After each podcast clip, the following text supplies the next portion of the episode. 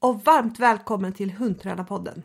Det här avsnittet sponsras av For Friends, bästa hundmaten och här hittar du också massor med jättebra träningsgodis till din hund. Vi har en jättekul nyhet att berätta för er och den här nyheten är faktiskt tack vare alla er lyssnare. Vi har nu nått över 200 000 nedladdningar.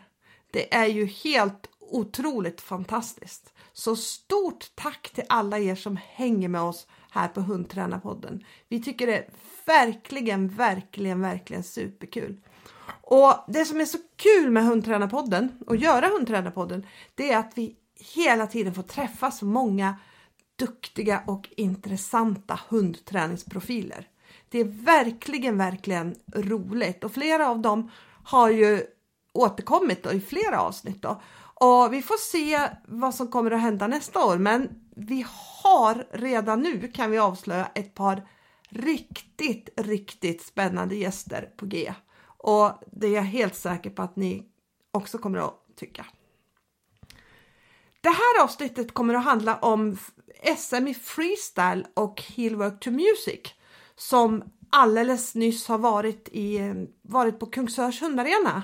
Jag var där och tittade på alla ekipage och fick några intervjuer med SM-generalen, med en guldmedaljör, med en bronsmedaljör och med en domare som gav en domare, men en Anna Larsson, som gav jättebra och kul info om de här grenarna, vad man tittar på, hur man dömer och efter att ha tittat och sett hundarna under hela dagen så var det väldigt, väldigt kul att få den här förklaringen till bedömningen. Och även om, även om jag inte alls vet egentligen hur man dömer här så hade jag suttit och, och satt mina egna betyg på ekipagen under dagen bara för jag tänkte det ska bli så spännande att se om om domarna tänker likadant eller inte då. För slutresultatet kom först på prisutdelningen. Så ingen visste hur det, hade gått, hur det hade gått för de här 15 ekipagen. 15 ekipage i HTM, Heelwork to Music och 15 ekipage i freestyle. Och sen så var det en lagklass också där man får tävla, där det var som team som fick tävla. Det skulle vara fler en, en hund och en förare.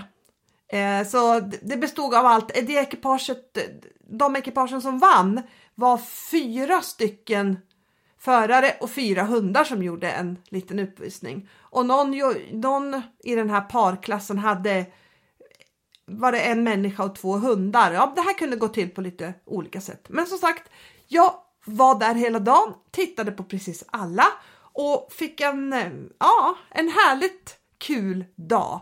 Eh, det är det som är så kul med hundträning, att det finns inspiration att hämta och hitta från precis alla grenar. Helt grymt kul och bra. Så här kommer fyra stycken intervjuer från SM. Nu har jag med mig Kerstin Eklund som har varit SM-general här på freestyle och HTM-SM. Hur känns det nu då när dagen är, är slut kan man väl säga? Ja, det känns ganska skönt. Jag känner mig nöjd.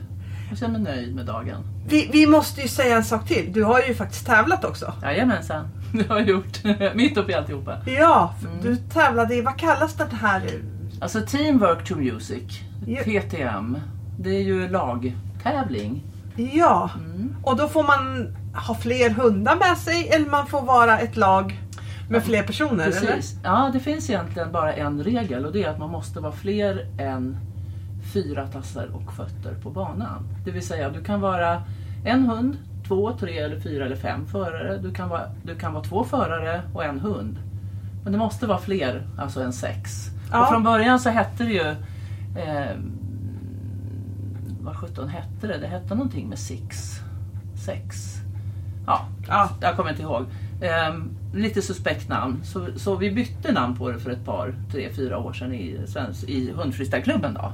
Ja. nu heter det Teamwork to Music. Just och det såg, som du såg idag så såg det väldigt olika ut. Det är ja. som en förare, två hundar. Eh, var ju två lag. Två förare, två hundar. Och sen, har, och sen var det då vårt lag som är fyra förare och fyra hundar. Och det, Ja. så att vi, och det ser ju väldigt olika ut. Alltså det, vad, innehållet blir ju olika och, och det är en stor, det är tufft att döma. Ja, Det jag det. förstår det. Eftersom det därför kan vara så otroligt. Och, och vägar emot varandra så att säga. Vad, Ja. är, vad är det som är bäst så att säga. Men, ja. Ehm, Och hur gick det för er idag då? ja, vi vann ju idag. Ja, ni gjorde vi, ju vi det. gjorde ju det. Och jag håller faktiskt med domarna om det. För Ja, det, det var... Det var... Ni hade ett... Ni var så fint sammantrimmade Ja. alla fyra. Är, vi har en historia ihop. Vi började 2016 så gjorde vi ett, en uppvisning på Stockholms hundmässa. Eh, och hade öppn, gjorde öppningsnumret där när temat på hundmässan var kärlek. Och då fick jag en förfrågan från Hans Rosenberg om jag kunde sätta ihop och kunde göra någonting på, på det temat för att, ha en, för att ha ett öppningsnummer innan bisfinalerna på och då satte vi ihop, då var vi tio stycken och innan vi kom till uppvisningen så tror jag vi hade blivit nio. Vi var nio personer och vi hade nio, olika, vi hade nio hundar av olika raser. Aha, Och, så, okej. och det var då en av våra idéer, eller att, det då, att vi skulle visa. Och då, så gjorde vi program till Whitney Houstons, Whitney Houstons ehm, eh, fantastiska kärleksballad. Och vi hade röda hjärtan och vi hade allt möjligt. Så det var väldigt, och det var väldigt innerligt så. Ja. Jättefint mot, vad heter det, gensvar från publiken. Ja. Det var väldigt kul. Vi började där och sen så sa vi, och då tränade vi ju jättemycket på det här med, alltså när man är många måste man ju vara så oerhört samjobbad. An- Man måste, vara, man måste koreografera, förarna måste koreografera sig. Ja. Annars så blir det ju liksom bara kaos av alltihopa. Så det har vi jobbat jättemycket med. Vi har jobbat jättemycket med oss själva.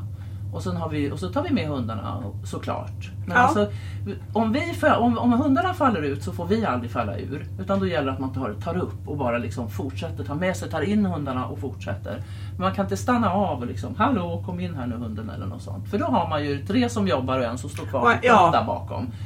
Så det, och det där har vi ju jobbat jättemycket med. Ja, det syntes ju faktiskt Ja. för ni var väldigt Ja. fint sam- Det var, det var, tre, vi, sammanspelade. mm, det var tredje året i rad nu som vi vann. Aha, var det det? Ja. mm. Ja, men vad kul. Och vi har ju inte då tränat någonting det här året utan vi vann ju då förra året SM och då vann vi med det här, det här programmet. Ja, Då visade då, vi tävlade det då, vi hade inte tävlat det innan utan vi klev in på SM med det som nytt program. Och så tänkte vi så här, "Nej, men det ju tråkigt att, att skippa det och göra ett nytt program där vi bara har tävlat med det en gång. Och sen är det så att våra hundar är gamla. ja. Vi har ju, de är 13, 10, 10 och 9 år. Och alla fyra kommer att gå pension efter den här dagen. Ja, då var det Så ett... tävlingspension, pension så att säga. Så att det, var ju, det var ju skitkul att vi vann. Ja, det var det Ja verkligen. det var det verkligen. Det, var, det känns jätte, jätteroligt. Har du några tankar med dig från den här dagen? Har den utfallit som du hade velat ungefär?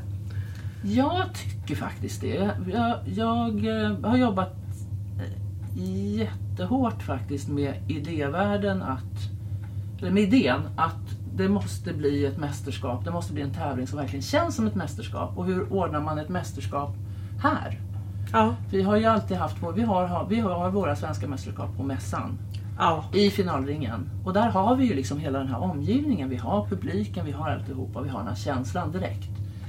Eh, och då har jag tänkt att ja, men hur ska jag skapa det här då? Så att det blir riktigt, riktigt härligt. Och det, ja, det känns nu när dagen är slut som det, som det har blivit väldigt, det blev väldigt bra. Ja, Det det tycker jag. Ni hade så. gjort ett jättefint Ja, upplägg här och det såg väldigt SM-mässigt ut när man kom in här Ja. med alla priser. Och... och med flaggorna. Och så. flaggorna, Ja, så, ja. Och så, och så, ja. Nej, men så, att, så att det var idén. Och sen så allt det här lullullet runt omkring med den här selfiehörnan och med, med minglet och med flaggorna som hänger så där och med flaggspelen och så. Det gör ju att man får den här känslan av att, Att ja, det det här är något speciellt. Och att det inte bara är det var också min tanke, men de, tävlande ska inte komma hit och känna att det, bara, "Jaha, det här var ungefär som en vanlig freestyle-tävling. Utan så. Och det är ju flera saker som vi har gjort idag. Vi har kört med dåliga resultat. Eh, vi, Är, det, är det inte det på vanliga nej, nej, de är öppna. Där ligger resultaten. Där, där, så fort det är inknappat så syns det. Så där kan man följa. Sen kan man välja som tävlingsarrangör att i våra tävlingssystem, i vår, i vår portal, där kan man välja att ha resultaten dolda. Ehm, men det, det gör man inte på vanliga tävlingar. Och, då blir, och sen också att alla gjorde jag ju så att alla kom i morse, att vi hade öppningsceremoni. Det har vi ju inte på vanliga tävlingar. Så. Men Nej. då fick man ju alla komma på morgonen. Och sen har ju alla varit tvungna att stanna kvar. För att det var ingen som åkt hem ju. Bara Nej, sådär. just det. Därför, det. om man tänker, för annars har vi ju prisutdelningar kontinuerligt under dagarna och sådär. Ja. Under dagen, under tävlingsdagen. Så där kändes det också bra. Och sen var jag glad att vi fick ordning på livestreamingen. För det verkar som om den har funkat hela dagen. Ja, det är superbra. Och det är ju med vanlig, med från iPhonen. Och liksom, så det är ju fantastiskt att det funkar. Ja, ja. Det är perfekt för alla som har en bit, som bor en bit härifrån. ja liksom. det är ju många. Och så nu när det är lite restriktioner igen då så är det ju också ja, smidigt. Ja, och det här vädret. faktiskt. Såklart, så Ja, vädret liksom. hade Ja, och Precis, vädret ställde ju Ja. till det för några deltagare som... eh, Ja, Märta, en av deltagarna körde ju diket i morse. Hon är ju också var en av funktionärerna på tävlingen. Så att, Oj, det var oj, liksom oj. så. Ja. Men det gick bra. Hon var ju här faktiskt snabbare än, tror jag, än vad hon själv trodde också. Ja. Så hon kom. Men och, som sagt ja, det var spännande och bra att det inte var fler som körde i diket. Det var ju väldigt, Ja. väldigt bra. Ja, verkligen. Faktiskt. Mm. Ja, men eh, då ska jag...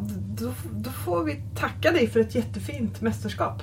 Det har varit jättekul Ja, att ja. hängt här och kollat. Och det, ni har ju hållit alla tider väldigt bra. Och Mm, det, ja, men, det var ett bra program och lätt att följa med. Och så, ja, fantastiskt. Vad roligt. Ja, Kul att höra. då Mm. får vi se om vi får se det på mässan nästa år då. Ja, vem vet. Vi Mm. kan ju hoppas Ja. i alla fall. Ja, det kan vi väl. Det måste vi göra. Ja. Det måste ju bli nästa år annars. Ja, mm. Mm. ja det måste det bli. Ja, vi hoppas på det. Det gör vi. Så superduper tack! Okej, tack. Tack! Nu har jag dagens domare med mig. Eller en utav dagens domare ska jag säga. Anna Larsson. Ja, tackar. Hur känns det nu att ha dömt alla de här hundarna? Alltså det var väldigt roligt. Det var första SM som jag har dömt. Så att eh, det är lite extra spännande så. Och eh, man har ju lite förväntningar, man tänker nu kommer det vara de bästa och så får man se så. Det är nej, roligt. Ja, jätte, jätteskoj. Du har ju själv tävlat på jättehög nivå i HTM. Ja. Freestyle också eller? Eh, freestyle har vi tagit championat i, men det är HTM som jag tävlar landslag och sånt med. Då. Och så- Så ja. det är ju huvudgrenen har varit. Ja, och du har vunnit EM, eller hur? Vi har vunnit EM, vi har vunnit Nordiska, vi har vunnit två SM. Ja. Ja. Eh, Tycker du att du, har du någon nytta av det här när du står och dömer nu tycker du? Eller står du och Ja, alltså jo, det är det. Både och kan man väl säga lite grann. Eh, en del skiljer sig ju i regler beroende på vilket land man är och tävlar i. Så att svenska regler får man ju ändå lite grann liksom nischa in sig på när man ska döma här. Mot vissa, när vi åker ut och tävlar så finns det specifika regler som är för de internationella tävlingarna och sånt. Men man har en blick på ett annat sätt kanske för program och svårighetsgrader och sånt. Då. Så att det är ett plus på det sättet. Men däremot så eh, skiljer det lite grann i bedömning vad man tittar på. Så. Ja, va, va, va, jag blir lite nyfiken. Liksom, vad skiljer det utomlands ifrån och till Sverige? Liksom? Vad, Ja, det, det är lite lurigt med de här sporterna för att de ligger under lite olika hundorganisationer. Så eh, det finns dels eh, de som ligger under FCI och då har det tagits fram ett internationellt regelverk. Eh, sen så har, när vi tävlar nordiska mästerskapen, så har faktiskt de nordiska mästerskapen ett eget regelverk. Det är ganska likt det svenska. Ja. Men man får ändå liksom tänka lite grann och läsa in sig och se, både som tävlande då och om man dömer, att vad är det som skiljer här? Och eh, tidigare så har det funnits, eller det finns fortfarande, ett europeiskt mästerskap som var ett öppet europeiskt mästerskap. Och det har legat utanför FCI, eller ligger fortfarande utanför FCI, och det har också ett eget regelverk. Så här i Sverige till exempel, så får vi i Healwork ha våran hund på längre avstånd än två meter ifrån oss. Vi kan göra distansarbete. Vi kan lägga in att jag skickar min hund på en stor cirkel eller något sånt. Men det kan jag inte göra i princip eh, i de flesta andra länder om jag åker utomlands och tävlar. Så det är en sån här grej att man ibland justerar sina program och sånt. Och sen kan det vara lite olika bedömningskategorier. Så. Det finns i internationella Eh, regelverket en särskild kategori. De har fyra, vi har ju tre. De har en extra kategori som heter Animal Welfare. Där man tittar på Alltså hur bra är det här byggt för, för hunden? Är det sunda rörelser? Eh, hur ser hunden ut när den jobbar? Och så har det en helt egen liksom, kategori. Hos oss går det in kan man säga under precision och samarbete. Där tittar vi på sådana saker här också. Men där har det lyfts ut. Så där har det kanske fått en ännu större vikt att det gäller att göra det här även sunt och säkert. så att säga. Ja. Kan du berätta om de tre kategorierna som du har dömt efter idag? Ja! Eh, första kategorin är precision och samarbete. Där tittar man på egentligen dagsformen. Vad är det som sker idag? Hur eh, bra gjorde de det? Hur exakt var det? Eh, utförde hunden rörelserna vad ska man säga, rent och tydligt. Man vill se en början på en rörelse, att hunden går in i rörelsen, utför den, går ur rörelsen på ett bra, exakt sätt. Är det heelwork så tittar du på hur exakta var positionerna. Var den lika nära i alla positioner? Eh, hur jobbade den? Jobbade den självständigt? Sådana saker. Övergångar när vi flyttar hundarna mellan tricks eller positioner. Hur exakta var de? Och samarbetet mellan hund och förare. Var det bra flyt? Eh, behövdes det extra kommando någonstans? Ser man någon gång att eh, föraren ber hunden göra något och det dröjer innan det liksom åtlyds, då blir det minus i precision och samarbete. Så det, den kategorin är liksom dagsformen. Det är Ja. sådär, så här bra gör ni det idag. Så kan man tänka sig. Så det är första kategorin. Andra kategorin, den är innehåll. Det är mera, det här är vad vi hade planerat att göra. Så Ja. hur du har liksom byggt upp det. Vad har du valt för rörelser? Eh, hur har du valt att förflytta dig över planen? Eh, vad har jag tagit med för positioner eller riktningar eller i freestylen? Eh, hur stor variation har jag på olika tricks? Jobbar hunden både nära mig? Jobbar den långt ifrån mig? Eh, jobbar den vänd kanske både mot föraren och från föraren? Eh, har jag snabba rörelser? Har jag långsamma rörelser? Har jag precision i säg, tassarbeten, att jag har sådana små saker och har jag större rörelser. Så innehållet är liksom planen, det är vad du hade tänkt att göra.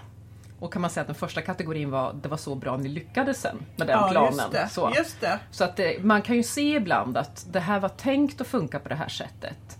Men dagsformen kanske gjorde att hunden var inte tillräckligt uppmärksam eller något sånt. Så då kan det ju bli minus i utförandet. Även om jag kan se att, ja, bra idé du hade där, men ni satte det inte idag, man säger så. Och sen sista kategorin, det är ju den som kanske är svårast eh, när man är ny att sätta sig in i. Och det är ju tolkning av musik. Och då hamnar man på det här, både är den här musiken bra vald till den här hunden? Det kan ju vara allt ifrån vad har min hund för tempo? Eh, hundar har ju olika utstrålning.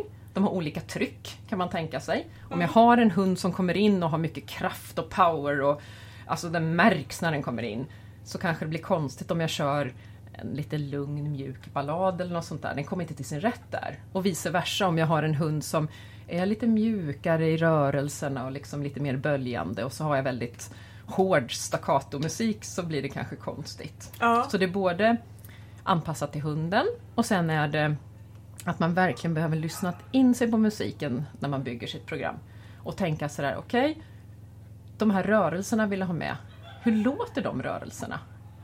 För det som är häftigt och som ger illusionen av dans, om man säger så i freestyle, det är ju när rörelserna verkligen tajmar och återspeglar musiken. Är musiken rund så vill du ha en rund rörelse. Är musiken kantig vill du ha en hård och kantig rörelse. Och sen är det ju allt det här med att tajma det. Det Ja. kan ju vara den stora utmaningen. Det är Ja. inte så att man har den här lilla fördröjningen att okej, nu har de sagt att jag ska kommendera och så väntar jag en liten stund och så gör jag det.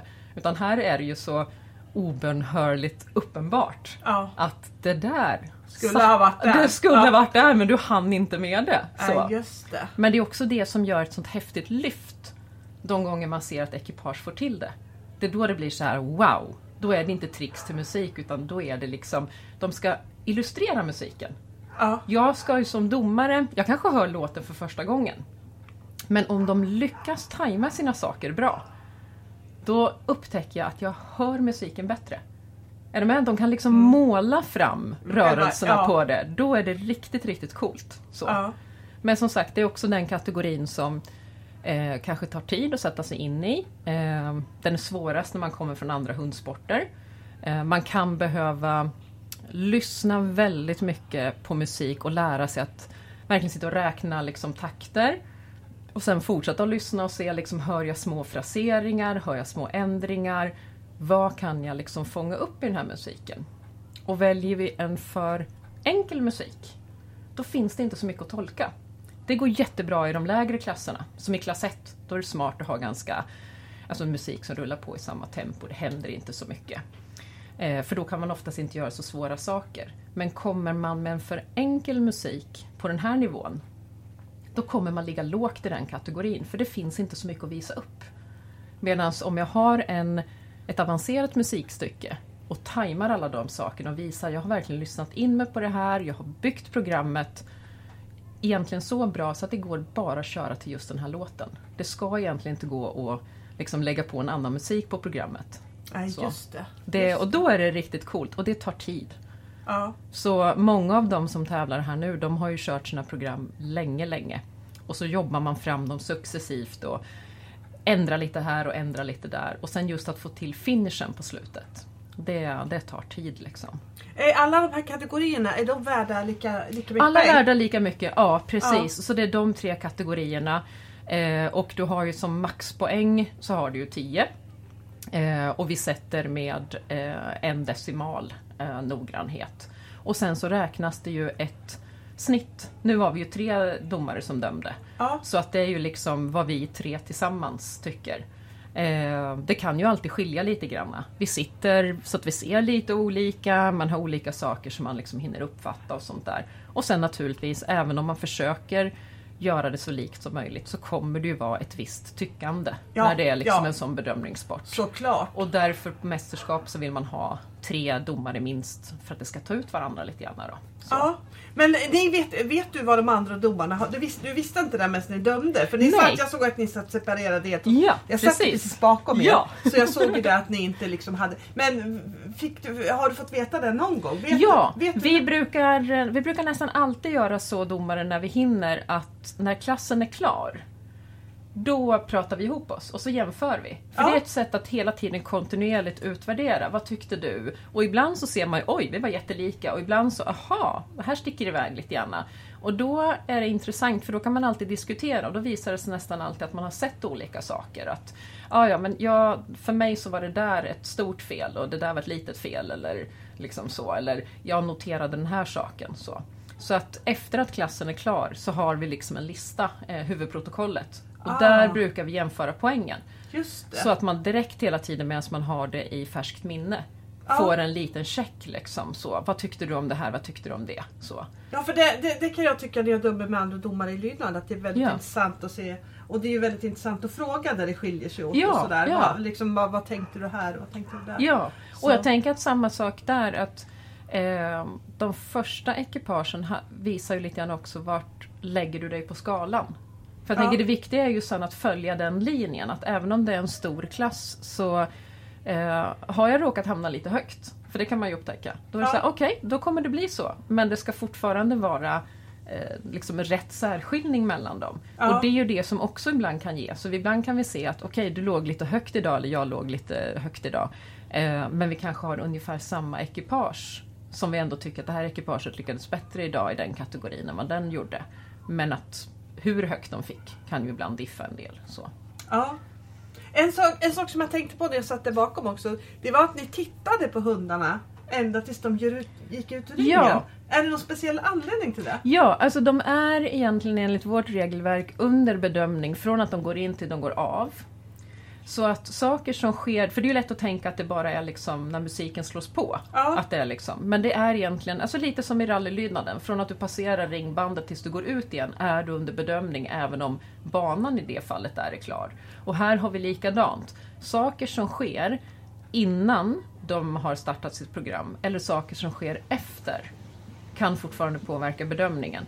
Eh, Efter så är det ju oftast eh, sånt som är tråkigt, att någon eh, förare glömmer bort sig och drar upp en belöning för tidigt. Ja, eller alltså sånt. Eh, Och på vägen in, det man dessutom tittar på där, det är hur hunden rör sig.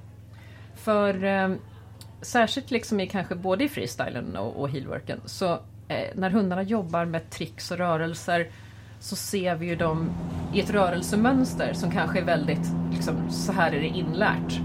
Men vill du se först, är hunden hel och fräsch, ser den okej ut? Så är det egentligen sträckan in när hunden bara går. som är lättast att titta på. Så Ja, där ligger en det. liten sån bedömning. Hur ser den här hunden ut när den rör sig normalt? Ja, För sen kan de ju gå både i en aktivitetsnivå och de kan göra rörelser som gör att det är svårt att bedöma en Säg en liten hälta eller någonting sånt till exempel. Eller är hunden Mm. lite stel eller något sånt. Så det finns den tanken också.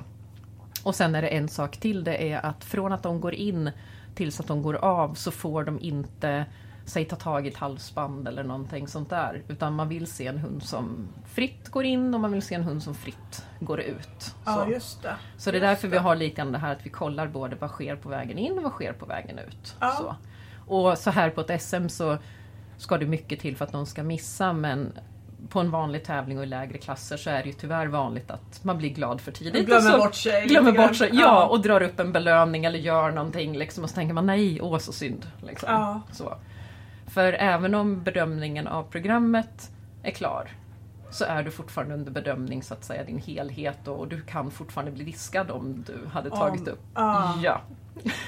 Just det, just det. Så det är sånt som man får tjata om som domare. Liksom så här, Nej, bara ta er av, se till att ni är klara.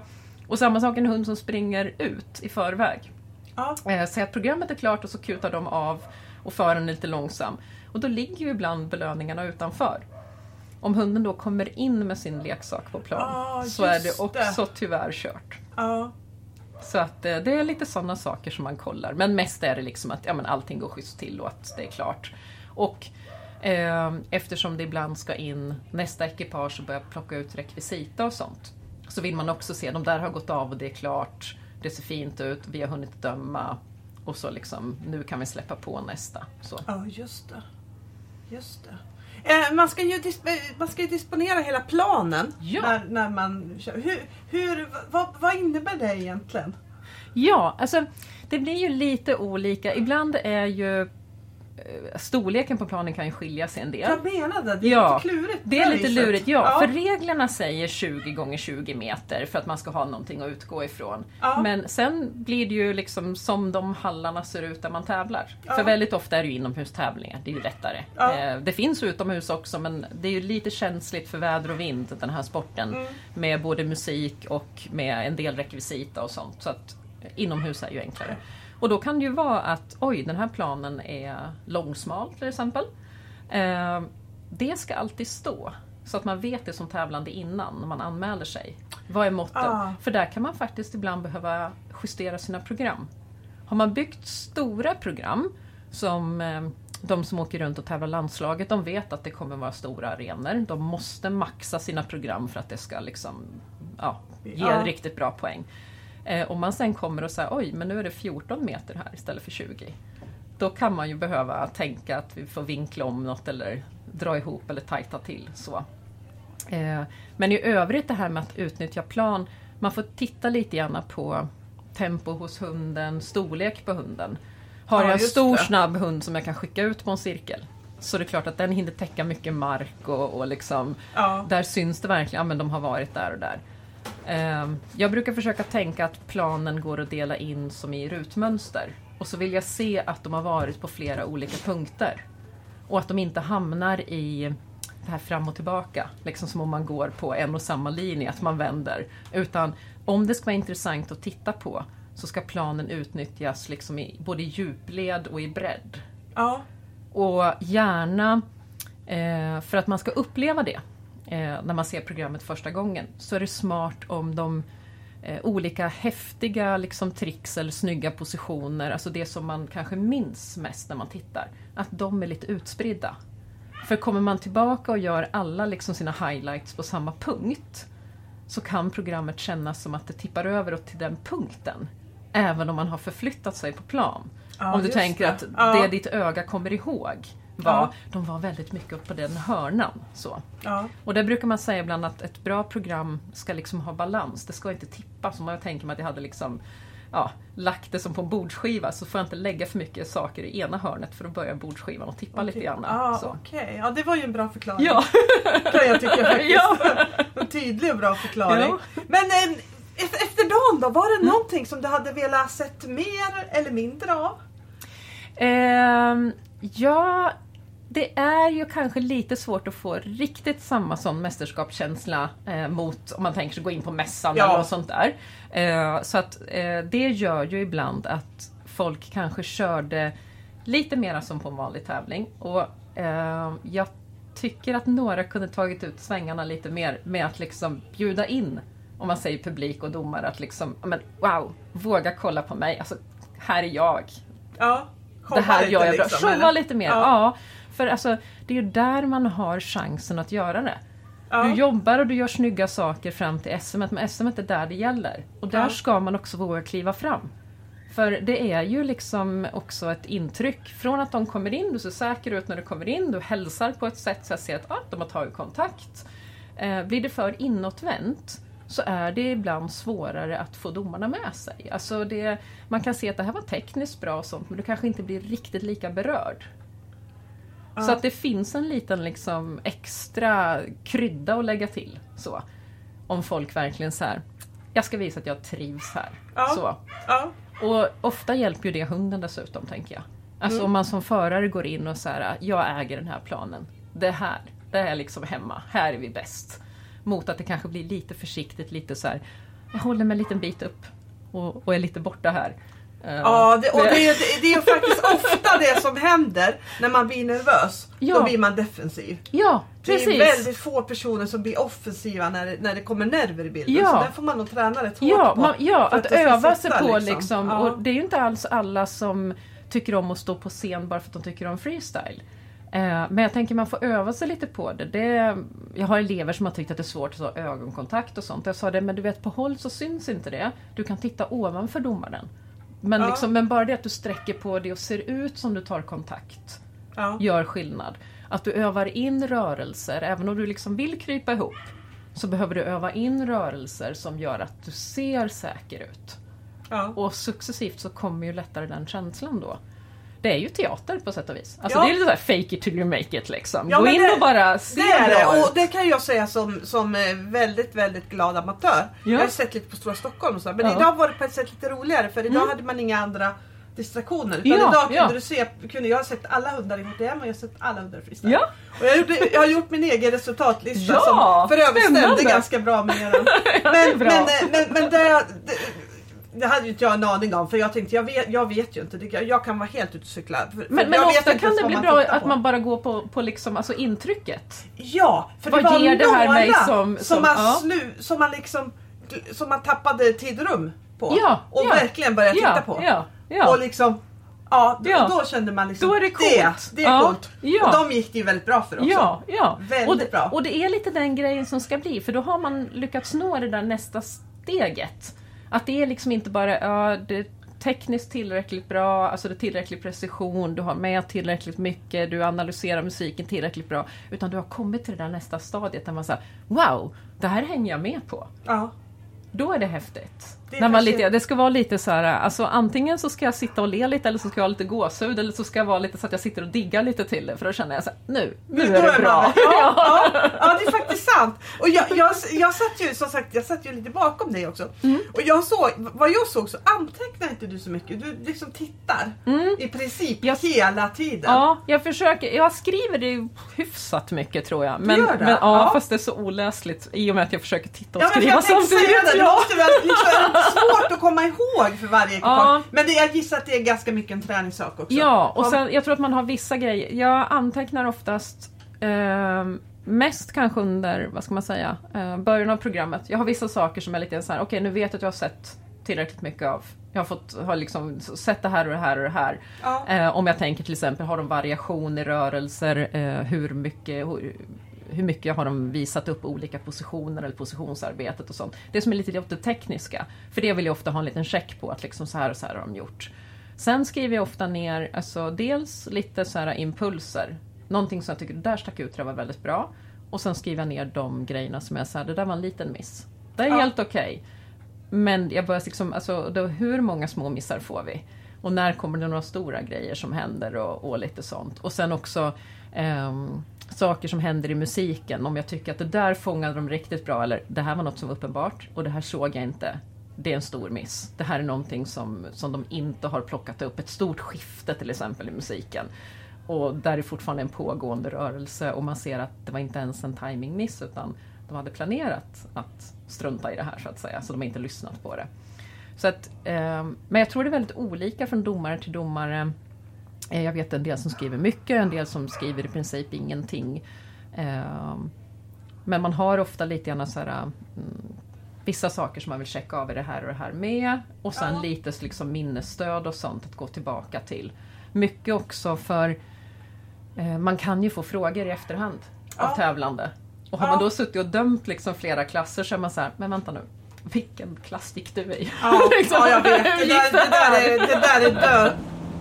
Det där är dö svårt att få. Ja. Och liksom, eh, ja men komma ihåg om man har dömt många på ekipage på en dag. Ja, ja, och när det kanske kommer så här, jag fick den här poängsumman i den kategorin. Och då, så här, Ja. då måste man i så fall, ja jag behöver gå tillbaka till mina anteckningar. Eh, men egentligen skulle jag behöva säkert kolla eh, lite generellt över den klassen. För det kan ju som sagt också ha med det här att göra, var hamnar man på skalan och lite Ja. liksom, vad har man jämföra med och sådana saker. Men eh, det är roligt att döma, men det är ju eh, en helt annan press än att tävla. Alltså så. Det är olika saker Det verkligen. var ju ganska, det ganska hårt tempo och ni har ju haft ganska lite Ja. pauser. Utan det har ju runnit på mest. Och- en kort ja. lunchpaus bara var det. Annars Ja. har ni bara kört på. Liksom. Annars har vi kört på, man får Ja. springa på toa lite kvickt sådär. Men eh, det här är ändå ganska lyxigt med tid. När vi körde på mässan så är det ju så väldigt kort och liksom, Ja, då är det. på minuter. Så. Eh, så det är också någonting som lite grann man måste trimmas in till. Hur lång tid tar din bedömning? Eh, Sista justeringen gör du ju så att säga när ekipaget är klart och sådär. Då funderar du, kanske tittar igenom dina anteckningar, går igenom lite grann, skannar igenom i minnet. Vad tycker jag om det här egentligen? Och vad såg jag, vad såg jag inte? Hur, hur stämde det här? Eh, men lite beroende på hur det har gått så ibland så kan jag känna att bedömningen är klar och sen diffar det bara lite grann av vilken siffra liksom som det sätts. Väldigt mycket kanske klart redan när de går av. Då har jag så en bild av det. Ja. Eh, ibland däremot så hamnar man i de här som är svåra. Det här när man är så här. Alltså det, var, det här var inte... Det var väl tillräckligt korrekt men det var inte riktigt bra men det var inte så dåligt så jag kan dra på det. När det blir lite mellanmjölk. ja, Den tänker jag är svårast i alla sporter. jag skulle tro det. Det här som är liksom, det där är riktigt bra eller det där är ett grovt fel eller liksom så. Det sticker ju ut. Men får du många såna här uh, ungefär ekipage precis i början av en klass. Då Ja. kan jag känna att man som domare blir lite, hmm, nu blir det lite jobbigt. Ja. För det tar mera liksom, man får klura mer. För de ska ju fortfarande särskiljas också på något smart sätt. Men det är liksom, ja, den är, den är lite svår. Man vill ha ett några ganska tydliga ekipage i början, tänker jag. Då är det lite lättare att bedöma. Ja, jag kan, jag kan tänka mig Ja. det. Eh, Har du något tips till någon som vill börja träna freestyle då? Ja, oj. Ehm, alltså dels så är det ju fantastiskt rolig sport. Så att funderar man på det så är det ju bara att sätta igång. Ehm, alla grunder egentligen som nästan som man kör i andra sporter går att använda i freestylen och heelworken. Alltså har du en hund som redan har kört andra sporter så går det ju oftast att showa till de momenten lite grann så att säga och börja plocka in det. Ja, Så att, att börja liksom bygga upp en, en stor bas att kunna jobba ifrån. Att hunden kan många olika rörelser. Eller om man tänker heelwork, att börja lära hunden bra positionsarbete och sånt. Eh, och sen är det väl det här att alltså, titta på program. Antingen söka upp på Youtube eller något sånt. Eller om man kan se på någon tävling. Och få lite idéer. Eh, för det som jag tror folk har svårast när de börjar. Det är också så här, ja men hur bygger jag ett program? Och hur ska jag få till det här till musik? Vad väljer jag för musik? Men att man kanske då behöver se att i klass 1 så är det inte så svårt. Det krävs inte så mycket. Och jag tycker det är en jättebra sport att tävla sig in i lite grann. Så. Eh, åk ut och testa. Mycket också för att eh, vi domare kommer ju tycka lite olika.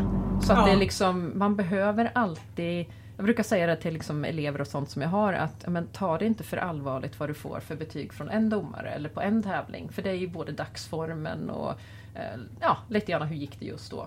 För att utvärdera ditt program så behöver du köra det för ett antal domare över lite tid.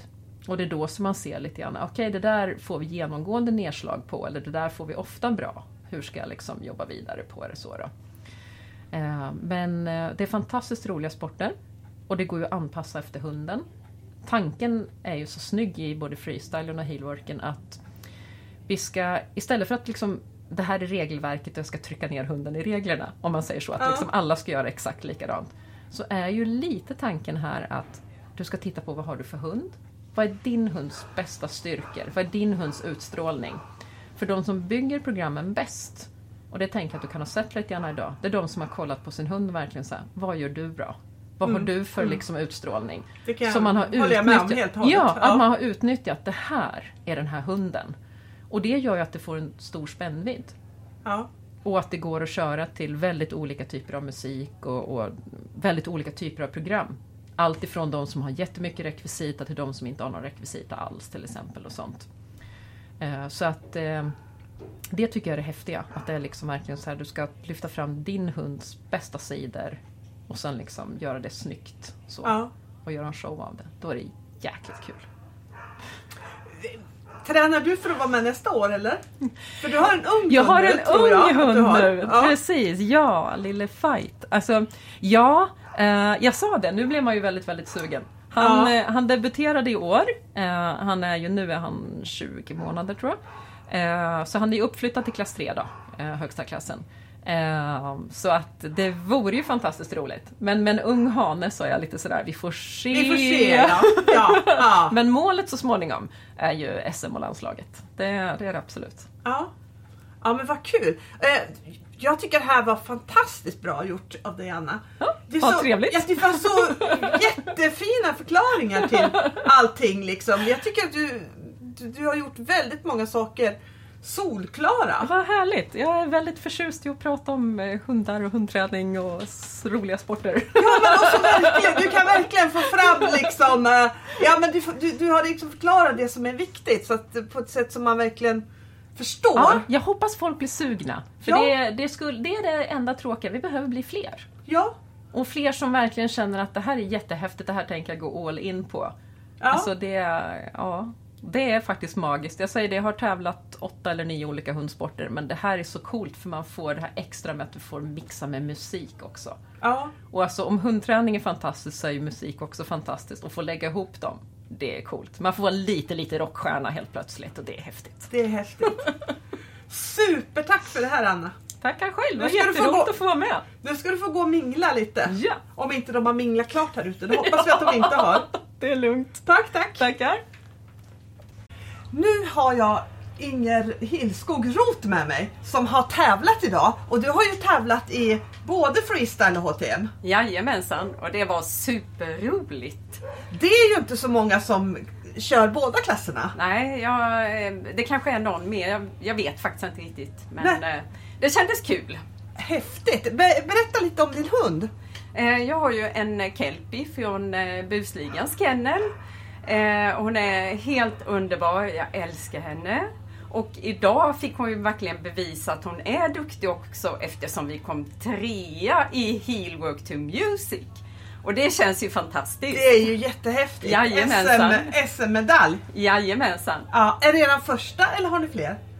Eh, eh, vi har ingen placering på SM men det här är vårt eh, tredje deltagande. Ja, Eh, och vi har varit med i Hillwork och Freestyle på de två tidigare också. Förra året så hade vi ju inget SM så då nej blev det ju inget. Så det här är tredje gången som vi är med i båda klasser. Ja, det är ju jätte, Ja, det är lite jätte, häftigt. jättehäftigt. Ja, absolut. Tycker du att du har nytta av att köra båda två eller är det liksom svårt att hinna träna båda eller? Ja, jag tror, för en kelpie tror jag det passar väldigt bra för de blir väldigt uttråkade ifall man kör för mycket. Så därför tävlar jag också eh, spår. Så där är jag i eh, elitklass och vi var faktiskt första reserv på spår-SM i år också. Ja, det tänkte jag faktiskt. Ja. Alltså att jag hade frågat dig för det har jag faktiskt sett att du var. Ja, Ja, så eh, det går att köra många olika grenar och eh, ligga lite på topp sådär. Det var ju synd att jag inte kom med. ja, det var det när det var så nära kan Ja, man ju tycka. ja, Nej men det, det, det är ju jättehäftigt och det är säkert det, det är kul för hundarna också. För Ja. de är ju oftast mycket mer mångsidiga än vad man själv tänker sig och tror. Precis, ja. Faktiskt. ja, ja. Men eh, hur kom du in på det här med freestyle och HTM? Alltså, eh, jag är med i Hammarö Wilksons klubb och då var det en, eh, en yngre tjej där som tjatade lite på mig att jag skulle börja. med freestyle och följa med henne på tävling. Och då var jag, först var jag väldigt tveksam så men eh, sen sa jag det, okej okay, då får du visa mig hur man gör. Så vi tränade ihop några gånger. Och sen så tävlade vi. Och det var ju så kul. Så jag fastnade jättemycket för den här sporten. Så nu har jag tävlat eh, i freestyle och heelwork sedan 2009. Och även med min förra hund var jag med på SM. Ja, ja det, jag kommer faktiskt ihåg det och det kanske inte är så konstigt att just du fastnar för det här. För jag, vi träffade, träffades på ett bruksläger för typ hundra år sedan. Ja, precis. Då kommer jag ihåg, du får stoppa mig nu om jag kommer ja. ihåg det här fel. Ja. Eh, men då kommer jag ihåg att du hade en ponny som du gjorde massa uppvisningar med. Ja, jag har ju hållit på med trickträning och uppvisning i väldigt, väldigt många år. Ja. Och den där ponnyn var ju helt fantastisk. Han kunde ju liksom göra så många olika saker. Vi var ju med på Skandinavium och alla de här stora arenorna uppträdde så det var häftigt. Ja, ja. Eh, berätta lite vad han kunde den här ponnyn. Eh, jag hade två delar med ponnyn. Det ena var ju att jag tömkörde honom eh, i svår dressyr så han kunde passage, piaff, galopppiruetter, allt du kan tänka dig. Eh, och sen så den andra delen som jag körde med honom, det var ju trickträning och då var även hunden med. Så i, jag kallade det Fonzie the Pony Show. Så eh, där var det två olika hundar som han var med på alla de åren som jag höll på med uppvisning med honom. Och då kunde han eh, ligga, hunden kunde hoppa över honom, de kunde sitta och vinka. De kunde gå slalom. Eh, Ponny gick mellan pinnar, hunden gick mellan mina ben samtidigt och koordinerat. Eh, hunden red i skritt, trav, galopp, kunde hoppa upp i trav. Eh, ja, hur mycket grejer som helst. Ja, tycker ja. du att du har haft någon nytta av, av hästträningen när du kom över till freestyle-träningen? Ja, det har man ju för det här är ju en sport där man ska också vara lite utåtriktad och ta in publiken och domaren. Ja. Eh, eh, det, det, ger ju ett helt annat intryck om man orkar öppna upp sig lite, vilket är väldigt, väldigt svårt. Ja, För speciellt om man, om man är nervös. Så kan ja, jag precis. När man är ja. nervös så är det väldigt svårt att eh, se bekväm och kunna le. Så faktiskt dagens eh, Hillwork-program, mitt enda mål idag, det var att jag skulle le hela programmet igenom. Det var mitt mål. Det var det enda målet jag hade. Och jag tror jag lyckades ganska bra Jag faktiskt. tror faktiskt också att du gjorde det. För vet du, jag satt och tog anteckningar på ja. allihopa. Och vad hade du för startnummer i HTM? Fyra. Ja, där har jag faktiskt skrivit att det var snygg förar Snyggt förarpresentation. Ja, ja. ja. Vad kul! Jag får för mig att jag, att jag skrev det på dig. Ja, just det här. För det, man såg det väldigt tydligt på några av ekipagerna var ju väldigt, väldigt duktiga att titta på publiken. Ja, ja. Och, och Men det måste man, man måste ju öva på det. Så inför det här mästerskapet så har jag ju tränat jättemycket på att le när jag tränar min hund. Även om det är ett fejkat leende så blir det en helt annan känsla. Ja. Men man måste öva på det för annars det sitter inte sen när man är lite nervös och hunden kanske inte gör exakt vad man vill och så vidare. och så vidare. Så. Eh, har du några tips till den som vill starta med freestyle eller HTM? Eh, alltså jag tycker personligen att det här är världens roligaste hundsport eftersom man får skapa sina egna program, man får välja sin egen musik. Eh, och då kan man ju tänka lite på att man utgår ifrån hundens starka sidor. Så man eh, kan ju börja och lära in någonting som de har väldigt lätt för. Eh, och därifrån kan man ju sen gå vidare, för ofta så är det ju lite så att har du övat in ett trick med en hund och de har börjat förstå, då är det mycket lättare att jobba vidare på och lära in fler. Ja. Så eh, utgå ifrån vad hunden eh, gör naturligt. Ja. Mm. Ja, kul! Jag får tacka dig supermycket för den här lilla intervjun. Och så får, ja. Jag gissar att du åker hem och kanske dricker lite bubbel ikväll? Typ. Ja, absolut. Det känns som att det är läge för det. Ja, ja. ja jättekul. Så, så. Jag är superglad. Ja, förstår det. Ja, ja. Förstår det. Jättegrattis! Ja, tack, tack. Nu har jag dagens domare med mig. Eller en utav dagens domare, ska jag säga. Anna Larsson. Ja, tackar. Hur känns det nu att ha dömt alla de här hundarna? Alltså det var väldigt roligt. Det var första SM som jag har dömt. Så att eh, det är lite extra spännande så. Och eh, man har ju lite förväntningar, man tänker nu kommer det vara de bästa och så får man se så. Det är nej, roligt. Ja, jätte, jätteskoj. Du har ju själv tävlat på jättehög nivå i HTM. Ja. Freestyle också eller? Eh, freestyle har vi tagit championat i, men det är HTM som jag tävlar landslag och sånt med. Då. Och så- Så ja. det är ju huvudgrenen har varit. Ja, och du har vunnit EM, eller hur? Vi har vunnit EM, vi har vunnit Nordiska, vi har vunnit två SM. Ja. Ja. Eh, Tycker du att du, har du någon nytta av det här när du står och dömer nu tycker du? Eller står sitter och Ja, alltså jo, det är det. Både och kan man väl säga lite grann. Eh, en del skiljer sig ju i regler beroende på vilket land man är och tävlar i. Så att svenska regler får man ju ändå lite grann liksom nischa in sig på när man ska döma här. Mot vissa, när vi åker ut och tävlar så finns det specifika regler som är för de internationella tävlingarna och sånt. Men man har en blick på ett annat sätt kanske för program och svårighetsgrader och sånt. Då. Så att det är ett plus på det sättet. Men däremot så eh, skiljer det lite grann i bedömning vad man tittar på. Så. Ja, va, va, va, jag blir lite nyfiken. Liksom, vad skiljer det utomlands ifrån och till Sverige? Liksom? Vad, Ja, det, det är lite lurigt med de här sporterna för att de ligger under lite olika hundorganisationer. Så eh, det finns dels eh, de som ligger under FCI och då har det tagits fram ett internationellt regelverk. Eh, sen så har, när vi tävlar Nordiska mästerskapen, så har faktiskt de Nordiska mästerskapen ett eget regelverk. Det är ganska likt det svenska. Ja. Men man får ändå liksom tänka lite grann och läsa in sig och se, både som tävlande då och om man dömer, att vad är det som skiljer här? Och eh, tidigare så har det funnits, eller det finns fortfarande, ett europeiskt mästerskap som var ett öppet europeiskt mästerskap. Och det har legat utanför FCI, eller ligger fortfarande utanför FCI, och det har också ett eget regelverk. Så här i Sverige till exempel, så får vi i Healwork ha våran hund på längre avstånd än två meter ifrån oss. Vi kan göra distansarbete. Vi kan lägga in att jag skickar min hund på en stor cirkel eller något sånt. Men det kan jag inte göra i princip eh, i de flesta andra länder om jag åker utomlands och tävlar. Så det är en sån här grej att man ibland justerar sina program och sånt. Och sen kan det vara lite olika bedömningskategorier. Så.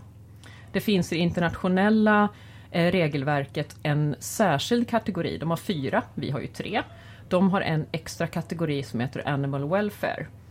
Där man tittar på Alltså hur bra är det här byggt för, för hunden? Är det sunda rörelser? Eh, hur ser hunden ut när den jobbar? Och så har det en helt egen liksom, kategori. Hos oss går det in kan man säga under precision och samarbete. Där tittar vi på sådana saker här också. Men där har det lyfts ut. Så där har det kanske fått en ännu större vikt att det gäller att göra det här även sunt och säkert. så att säga. ja. Kan du berätta om de tre kategorierna som du har dömt efter idag? Ja! Eh, första kategorin är precision och samarbete. Där tittar man på egentligen dagsformen. Vad är det som sker idag? Hur eh, bra gjorde de det? Hur exakt var det?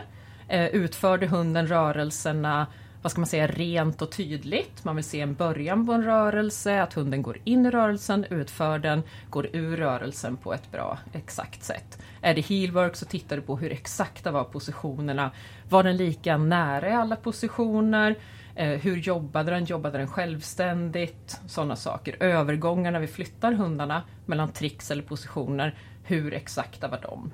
Och samarbetet mellan hund och förare. Var det bra flyt? Eh, behövdes det extra kommando någonstans? Ser man någon gång att eh, föraren ber hunden göra något och det dröjer innan det liksom åtlyds, då blir det minus i precision och samarbete. Så det, den kategorin är liksom dagsformen. Det är Ja. sådär, så här bra gör ni det idag. Så kan man tänka sig. Så det är första kategorin. Andra kategorin, den är innehåll. Det är mera, det här är vad vi hade planerat att göra. Så Ja. hur du har liksom byggt upp det. Vad har du valt för rörelser? Eh, hur har du valt att förflytta dig över planen? Eh, vad har jag tagit med för positioner eller riktningar eller i freestylen?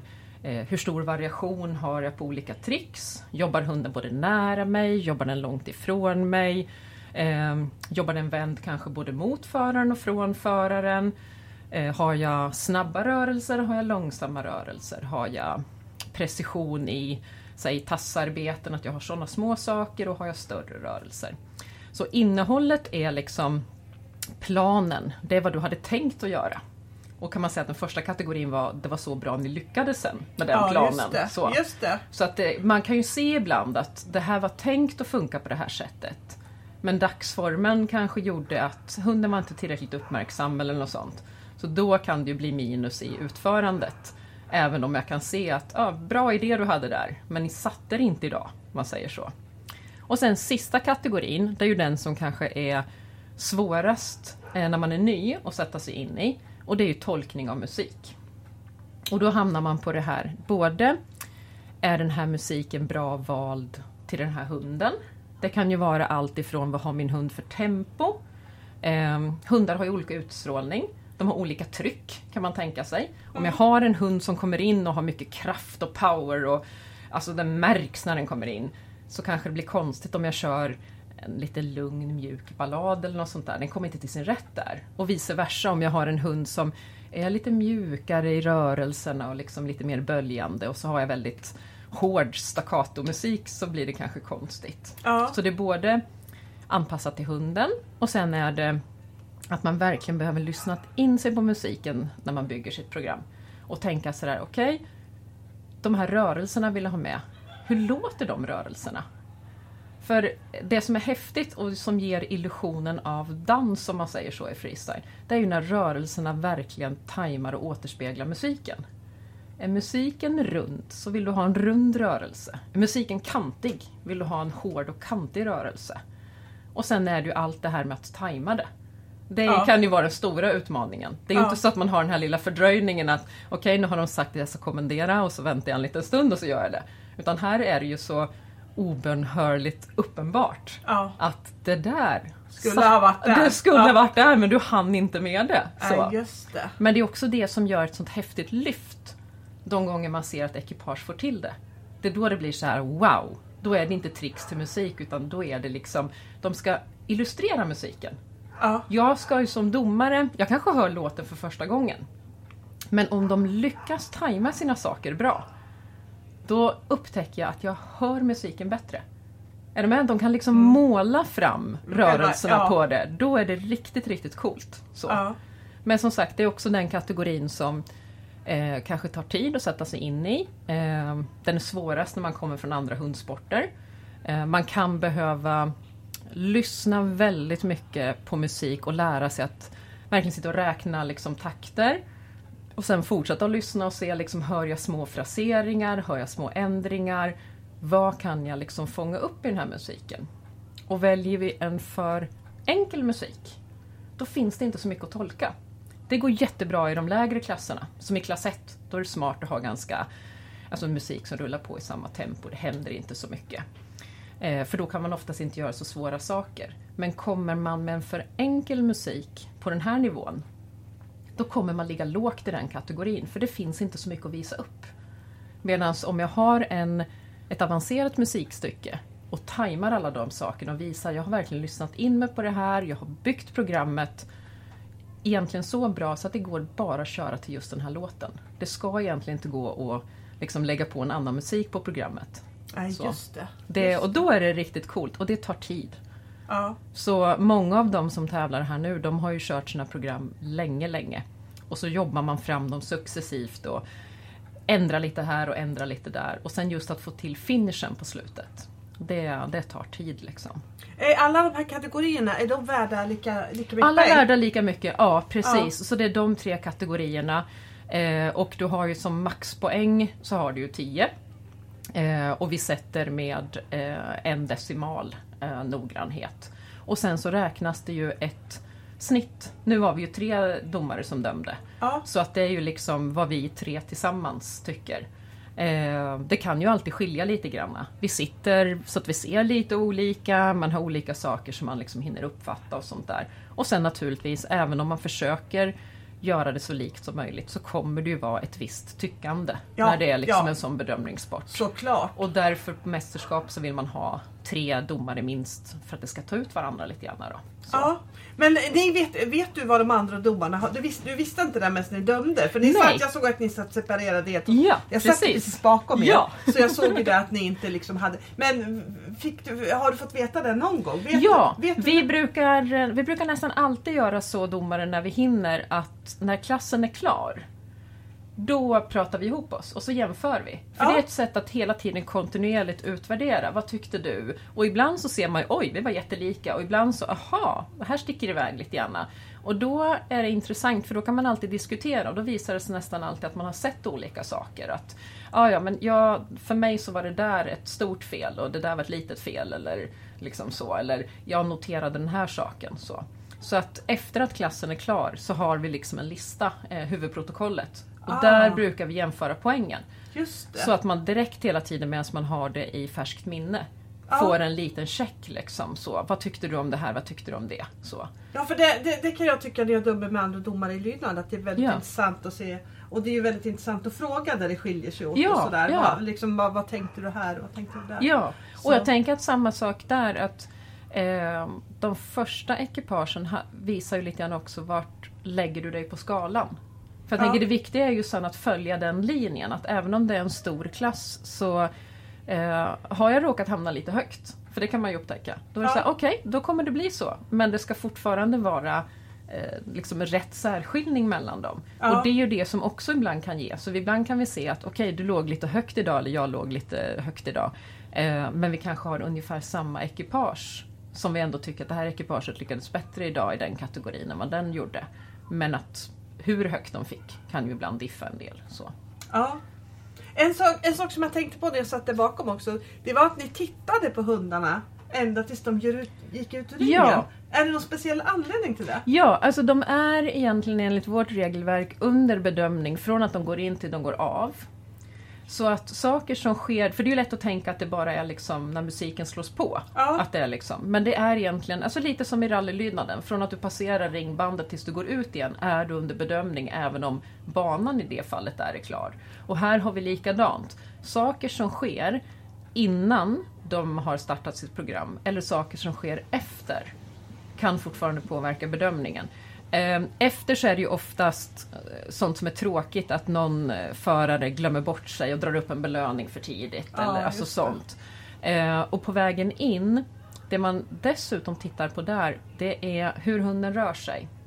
För eh, särskilt liksom i kanske både i freestylen och, och heelworken, så eh, när hundarna jobbar med tricks och rörelser så ser vi ju dem i ett rörelsemönster som kanske är väldigt, liksom, så här är det inlärt. Men vill du se först, är hunden hel och fräsch, ser den okej ut? Så är det egentligen sträckan in när hunden bara går som är lättast att titta på. Så Ja, där ligger en det. liten sån bedömning. Hur ser den här hunden ut när den rör sig normalt? Ja. För sen kan de ju gå både i en aktivitetsnivå och de kan göra rörelser som gör att det är svårt att bedöma en Säg en liten hälta eller någonting sånt till exempel. Eller är hunden Mm. lite stel eller något sånt. Så det finns den tanken också. Och sen är det en sak till. Det är att från att de går in tills att de går av så får de inte Säg ta tag i ett halsband eller någonting sånt där. Utan man vill se en hund som fritt går in och man vill se en hund som fritt går ut. ja, Så. just det. Så det är därför vi har lite det här att vi kollar både vad sker på vägen in och vad sker på vägen ut. Ja. Så. Och så här på ett SM så ska det mycket till för att någon ska missa men på en vanlig tävling och i lägre klasser så är det ju tyvärr vanligt att man blir glad för tidigt. Glömmer och så bort sig Glömmer bort sig, ja, och drar upp en belöning eller gör någonting liksom, och så tänker man nej, åh så synd. Liksom. Ja. Så. För även om bedömningen av programmet är klar så är du fortfarande under bedömning så att säga din helhet och du kan fortfarande bli diskad om du hade Om- tagit upp. ja. Ja. Just det, just det. Så det är sånt som man får tjata om som domare. Liksom så här, Nej, bara ta er av, se till att ni är klara. Och samma sak en hund som springer ut i förväg. Ja. Eh, Säg att programmet är klart och så kutar de av och föraren är lite långsam. Och då ligger ju ibland belöningarna utanför.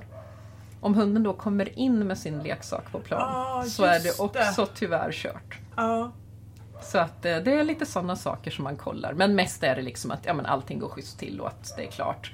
Och eh, eftersom det ibland ska in nästa ekipage och börja plocka ut rekvisita och sånt. Så vill man också se, de där har gått av och det är klart. det ser fint ut, vi har hunnit döma och så liksom, nu kan vi släppa på nästa. Så. Ja, just det. Just det. Eh, man, ska ju dis- man ska disponera hela planen Ja. när, när man kör. Hur, hur, vad, vad innebär det egentligen? Ja, alltså det blir ju lite olika. Ibland är ju eh, storleken på planen kan ju skilja sig en del. Jag menade det, är Ja, lite klurigt. Det är lite lurigt, ja, För reglerna säger 20 gånger 20 meter för att man ska ha någonting att utgå ifrån. Ja. Men sen blir det ju liksom som de hallarna ser ut där man tävlar. Ja. För väldigt ofta är det ju inomhustävlingar, det är ju lättare. Ja. Eh, Det finns utomhus också men det är ju lite känsligt för väder och vind den här sporten. Mm. Med både musik och med en del rekvisita och sånt. Så att eh, inomhus är ju enklare. Och då kan det ju vara att oj, den här planen är långsmal till exempel. Eh, det ska alltid stå. Så att man vet det som tävlande innan när man anmäler sig.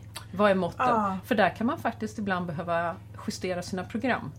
Har man byggt stora program som eh, de som åker runt och tävlar landslaget, de vet att det kommer vara stora arenor. De måste maxa sina program för att det ska liksom, ja, ge Ja. riktigt bra poäng. Eh, om man sen kommer och säger oj, men nu är det 14 meter här istället för 20. Då kan man ju behöva tänka att vi får vinkla om något eller dra ihop eller tajta till. Så. Eh, men i övrigt det här med att utnyttja plan, man får titta lite grann på tempo hos hunden, storlek på hunden. Har Ja, jag en stor det. snabb hund som jag kan skicka ut på en cirkel så det är klart att den hinner täcka mycket mark och, och liksom Ja. där syns det verkligen, ja men de har varit där och där.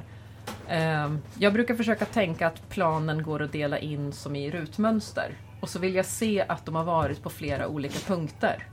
Och att de inte hamnar i det här fram och tillbaka, liksom som om man går på en och samma linje, att man vänder. Utan om det ska vara intressant att titta på så ska planen utnyttjas liksom i både i djupled och i bredd. Ja.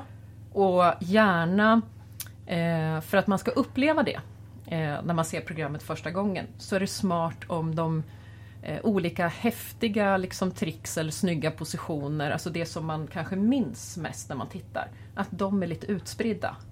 För kommer man tillbaka och gör alla liksom, sina highlights på samma punkt, så kan programmet kännas som att det tippar över till den punkten. Även om man har förflyttat sig på plan. Ja, om du tänker det. att Ja. det ditt öga kommer ihåg var, Ja. de var väldigt mycket upp på den hörnan. Så. Ja. Och där brukar man säga ibland att ett bra program ska liksom ha balans. Det ska inte tippa. Som jag tänker mig att jag hade liksom ja, lagt det som på en bordsskiva så får jag inte lägga för mycket saker i ena hörnet för då börjar bordsskivan att tippa lite grann. Ja, så. okej. Ja, det var ju en bra förklaring. Ja. kan jag tycka faktiskt. Ja. En tydlig och bra förklaring. Ja. Men eh, efter, dagen då, var det någonting som du hade velat sett mer eller mindre av? Ehm, ja, det är ju kanske lite svårt att få riktigt samma sån mästerskapskänsla eh, mot om man tänker sig gå in på mässan Ja. eller något sånt där. Eh, så att eh, det gör ju ibland att folk kanske körde lite mera som på en vanlig tävling. Och eh, jag tycker att några kunde tagit ut svängarna lite mer med att liksom bjuda in, om man säger publik och domare, att liksom, men wow, våga kolla på mig. Alltså, här är jag Ja. det här lite gör jag bra. liksom, Showa lite mer. Ja. Ja. För alltså, det är ju där man har chansen att göra det. Ja. Du jobbar och du gör snygga saker fram till SM, men SM är där det gäller. Och där Ja. ska man också våga kliva fram. För det är ju liksom också ett intryck från att de kommer in, du ser säker ut när du kommer in, du hälsar på ett sätt så jag ser att ah, de har tagit kontakt. Eh, blir det för inåtvänt så är det ibland svårare att få domarna med sig. Alltså det, man kan se att det här var tekniskt bra och sånt men du kanske inte blir riktigt lika berörd. Så att det finns en liten liksom extra krydda att lägga till. Så. Om folk verkligen så här, jag ska visa att jag trivs här. Ja. Så. Ja. Och ofta hjälper ju det hunden dessutom, tänker jag. Alltså Mm. om man som förare går in och säger jag äger den här planen. Det här, det är liksom hemma. Här är vi bäst. Mot att det kanske blir lite försiktigt, lite så här. Jag håller mig en liten bit upp och, och är lite borta här. Eh, Ja, det, och det, är- det, det är faktiskt ofta det som händer när man blir nervös. Ja. Då blir man defensiv. Ja, Det är precis. väldigt få personer som blir offensiva när det, när det kommer nerver i bilden. Ja. Så där får man nog träna rätt hårt Ja, på. man, ja att, det ska öva sig på liksom. Ja. Och det är ju inte alls alla som tycker om att stå på scen bara för att de tycker om freestyle. Eh, Men jag tänker man får öva sig lite på det. det. Jag har elever som har tyckt att det är svårt att ha ögonkontakt och sånt. Jag sa det, men du vet på håll så syns inte det. Du kan titta ovanför domaren. Men, Ja. liksom, men bara det att du sträcker på det och ser ut som du tar kontakt Ja. gör skillnad. Att du övar in rörelser, även om du liksom vill krypa ihop, så behöver du öva in rörelser som gör att du ser säker ut. Ja. Och successivt så kommer ju lättare den känslan då. Det är ju teater på sätt och vis. Alltså Ja. det är lite såhär fake it till you make it liksom. Ja, Gå men in det- och bara se Det är det och det kan jag säga som, som eh, väldigt, väldigt glad amatör. Ja. Jag har sett lite på Stora Stockholm och så, men idag var det på ett sätt lite roligare för idag hade man inga andra distraktioner. Utan Ja, idag kunde ja. du se, kunde jag ha sett alla hundar i HTM och jag har sett alla hundar i freestyle. Ja. Och jag, gjorde, jag har gjort min egen resultatlista Ja, som för övrigt stämde ganska bra med eran. Men, bra. men, eh, men, men det, det, hade ju inte jag en aning om för jag tänkte jag vet, jag vet ju inte. Jag kan vara helt ute och cykla. För- Men, men ofta kan det bli bra att på. man bara går på, på liksom, alltså intrycket. Ja, för Vad det var ger det här mig som- som, som- man ja. slu, som man liksom som man tappade tid och rum på. Ja, och ja. verkligen började titta på. Och liksom Ja, då, Ja. då kände man liksom Då är det coolt. Det, det är Ja, coolt. ja. Och de gick det ju väldigt bra för också. Ja, ja. Väldigt och, det, bra. och det är lite den grejen som ska bli, för då har man lyckats nå det där nästa steget. Att det är liksom inte bara, ja, det är tekniskt tillräckligt bra, alltså det är tillräcklig precision, du har med tillräckligt mycket, du analyserar musiken tillräckligt bra. Utan du har kommit till det där nästa stadiet där man säger, wow, det här hänger jag med på. Ja. Då är det häftigt. När man lite, det ska vara lite så här, alltså antingen så ska jag sitta och le lite eller så ska jag ha lite gåshud eller så ska jag vara lite så att jag sitter och diggar lite till det för då känner jag så här, nu, nu Då är det bra. Ja, ja, ja, det är faktiskt sant. Och jag, jag, jag satt ju som sagt jag satt ju lite bakom dig också. Mm. Och jag såg, vad jag såg så antecknar inte du så mycket. Du liksom tittar i princip Mm. Jag- hela tiden. Ja, jag försöker. Jag skriver det hyfsat mycket tror jag. Men, gör det? men ja, Ja. fast det är så oläsligt i och med att jag försöker titta och Ja, skriva jag tänkte säga samtidigt. det, måste väl liksom, svårt att komma ihåg för varje ekipage. Ja. Men det, jag gissar att det är ganska mycket en träningssak också. ja, och sen jag tror att man har vissa grejer. Jag antecknar oftast eh, mest kanske under, vad ska man säga, eh, början av programmet. Jag har vissa saker som är lite så här, okej nu vet jag att jag har sett tillräckligt mycket av. Jag har, fått, har liksom sett det här och det här och det här. Ja. Eh, om jag tänker till exempel, har de variation i rörelser? Eh, hur, mycket, hur, hur mycket har de visat upp olika positioner eller positionsarbetet och sånt. Det som är lite det tekniska. För det vill jag ofta ha en liten check på, att liksom så här och så här har de gjort. Sen skriver jag ofta ner, alltså dels lite så här impulser. Någonting som jag tycker, det där stack ut, det var väldigt bra. Och sen skriver jag ner de grejerna som så här, det där var en liten miss. Det är Ja. helt okej. Men jag börjar liksom, alltså, då, hur många små missar får vi? Och när kommer det några stora grejer som händer och, och lite sånt. Och sen också ehm, saker som händer i musiken. Om jag tycker att det där fångade de riktigt bra eller det här var något som var uppenbart och det här såg jag inte. Det är en stor miss. Det här är någonting som, som de inte har plockat upp. Ett stort skifte till exempel i musiken. Och där är fortfarande en pågående rörelse och man ser att det var inte ens en timingmiss utan de hade planerat att strunta i det här så att säga, så de har inte lyssnat på det. Så att, eh, men jag tror det är väldigt olika från domare till domare. Eh, jag vet en del som skriver mycket, en del som skriver i princip ingenting. Eh, men man har ofta lite grann så här, mm, vissa saker som man vill checka av, är det här och det här med? Och sen lite liksom minnesstöd och sånt att gå tillbaka till. Mycket också för eh, man kan ju få frågor i efterhand av tävlande. Och har man då suttit och dömt liksom flera klasser så är man så här, men vänta nu, vilken klass gick du i? Ja, Liksom, ja jag vet. Det där, det där är, det där är dö... Det där är dö svårt att få. Ja. Och liksom, eh, ja, men komma ihåg om man har dömt många på ekipage på en dag. Ja, ja, och när det kanske kommer så här, jag fick den här poängsumman i den kategorin. Och då, så här, Ja. då måste man i så fall, ja jag behöver gå tillbaka till mina anteckningar. Eh, men egentligen skulle jag behöva säkert kolla eh, lite generellt över den klassen. För det kan ju som sagt också ha med det här att göra, var hamnar man på skalan och lite Ja. liksom, vad har man jämföra med och sådana saker. Men eh, det är roligt att döma, men det är ju eh, en helt annan press än att tävla. Alltså så. Det är olika saker Det verkligen. var ju ganska, det ganska hårt tempo och ni har ju haft ganska lite Ja. pauser. Utan det har ju runnit på mestadels. Och- en kort ja. lunchpaus bara var det. Annars Ja. har ni bara kört på. Liksom. Annars har vi kört på, man får Ja. springa på toa lite kvickt sådär. Men eh, det här är ändå ganska lyxigt med tid. När vi körde på mässan så är det ju så väldigt kort och liksom, Ja, då är det. på minuter. Så. Eh, Så det är också någonting som lite grann man måste trimmas in till. Hur lång tid tar din bedömning? Eh, Sista justeringen gör du ju så att säga när ekipaget är klart och sådär. Då funderar du, kanske tittar igenom dina anteckningar, går igenom lite grann, skannar igenom i minnet. Vad tycker jag om det här egentligen? Och vad såg jag, vad såg jag inte? Hur, hur stämde det här? Eh, men lite beroende på hur det har gått så ibland så kan jag känna att bedömningen är klar och sen diffar det bara lite grann av vilken siffra liksom som det sätts. Väldigt mycket kanske klart redan när de går av. Då har jag så en bild av det. Ja. Eh, ibland däremot så hamnar man i de här som är svåra. Det här när man är så här... Alltså det, var, det här var inte... Det var väl tillräckligt korrekt men det var inte riktigt bra men det var inte så dåligt så jag kan dra på det. När det blir lite mellanmjölk. ja, Den tänker jag är svårast i alla sporter. jag skulle tro det. Det här som är liksom, det där är riktigt bra eller det där är ett grovt fel eller liksom så. Det sticker ju ut. Men får du många såna här uh, ungefär ekipage precis i början av en klass. Då Ja. kan jag känna att man som domare blir lite, hmm, nu blir det lite jobbigt. Ja. För det tar mera liksom, man får klura mer. För de ska ju fortfarande särskiljas också på något smart sätt. Men det är liksom, ja, den är, den är lite svår. Man vill ha ett några ganska tydliga ekipage i början, tänker jag. Då är det lite lättare att bedöma. Ja, jag kan, jag kan tänka mig Ja. det. Eh, Har du något tips till någon som vill börja träna freestyle då? Ja, oj. Ehm, alltså dels så är det ju fantastiskt rolig sport. Så att funderar man på det så är det ju bara att sätta igång. Ehm, alla grunder egentligen som nästan som man kör i andra sporter går att använda i freestylen och heelworken. Alltså har du en hund som redan har kört andra sporter så går det ju oftast att showa till de momenten lite grann så att säga och börja plocka in det. Ja. Så att, att börja liksom bygga upp en, en stor bas att kunna jobba ifrån. Att hunden kan många olika rörelser. Eller om man tänker heelwork, att börja lära hunden bra positionsarbete och sånt. Eh, och sen är det väl det här att alltså, titta på program. Antingen söka upp på Youtube eller något sånt. Eller om man kan se på någon tävling. Och få lite idéer. Eh, för det som jag tror folk har svårast när de börjar, det är också så här, ja men hur bygger jag ett program? Och hur ska jag få till det här till musik? Vad väljer jag för musik? Men att man kanske då behöver se att i klass 1 så är det inte så svårt, det krävs inte så mycket.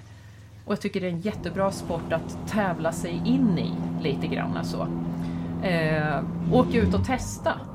Mycket också för att eh, vi domare kommer ju tycka lite olika. Så att Ja. det är liksom, man behöver alltid jag brukar säga det till liksom elever och sånt som jag har att men, ta det inte för allvarligt vad du får för betyg från en domare eller på en tävling. För det är ju både dagsformen och eh, ja, lite grann hur gick det just då. För att utvärdera ditt program så behöver du köra det för ett antal domare över lite tid. Och det är då som man ser lite grann, okej det där får vi genomgående nedslag på eller det där får vi ofta bra. Hur ska jag liksom jobba vidare på det så då? Eh, Men eh, det är fantastiskt roliga sporter. Och det går ju att anpassa efter hunden.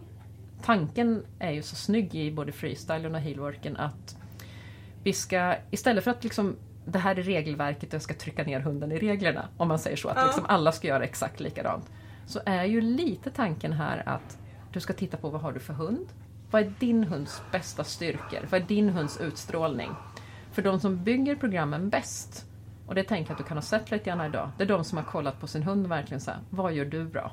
Vad har du för liksom utstrålning? Det kan Som man har utnyttjat. hållet. Ja, att man har utnyttjat det här är den här hunden. Och det gör ju att det får en stor spännvidd. ja. Och att det går att köra till väldigt olika typer av musik och, och väldigt olika typer av program. Allt ifrån de som har jättemycket rekvisita till de som inte har någon rekvisita alls till exempel och sånt. Eh, Så att eh, det tycker jag är det häftiga. Att det är liksom verkligen så här, du ska lyfta fram din hunds bästa sidor och sen liksom göra det snyggt. Så, ja. Och göra en show av det. Då är det jäkligt kul. Tränar du för att vara med nästa år eller?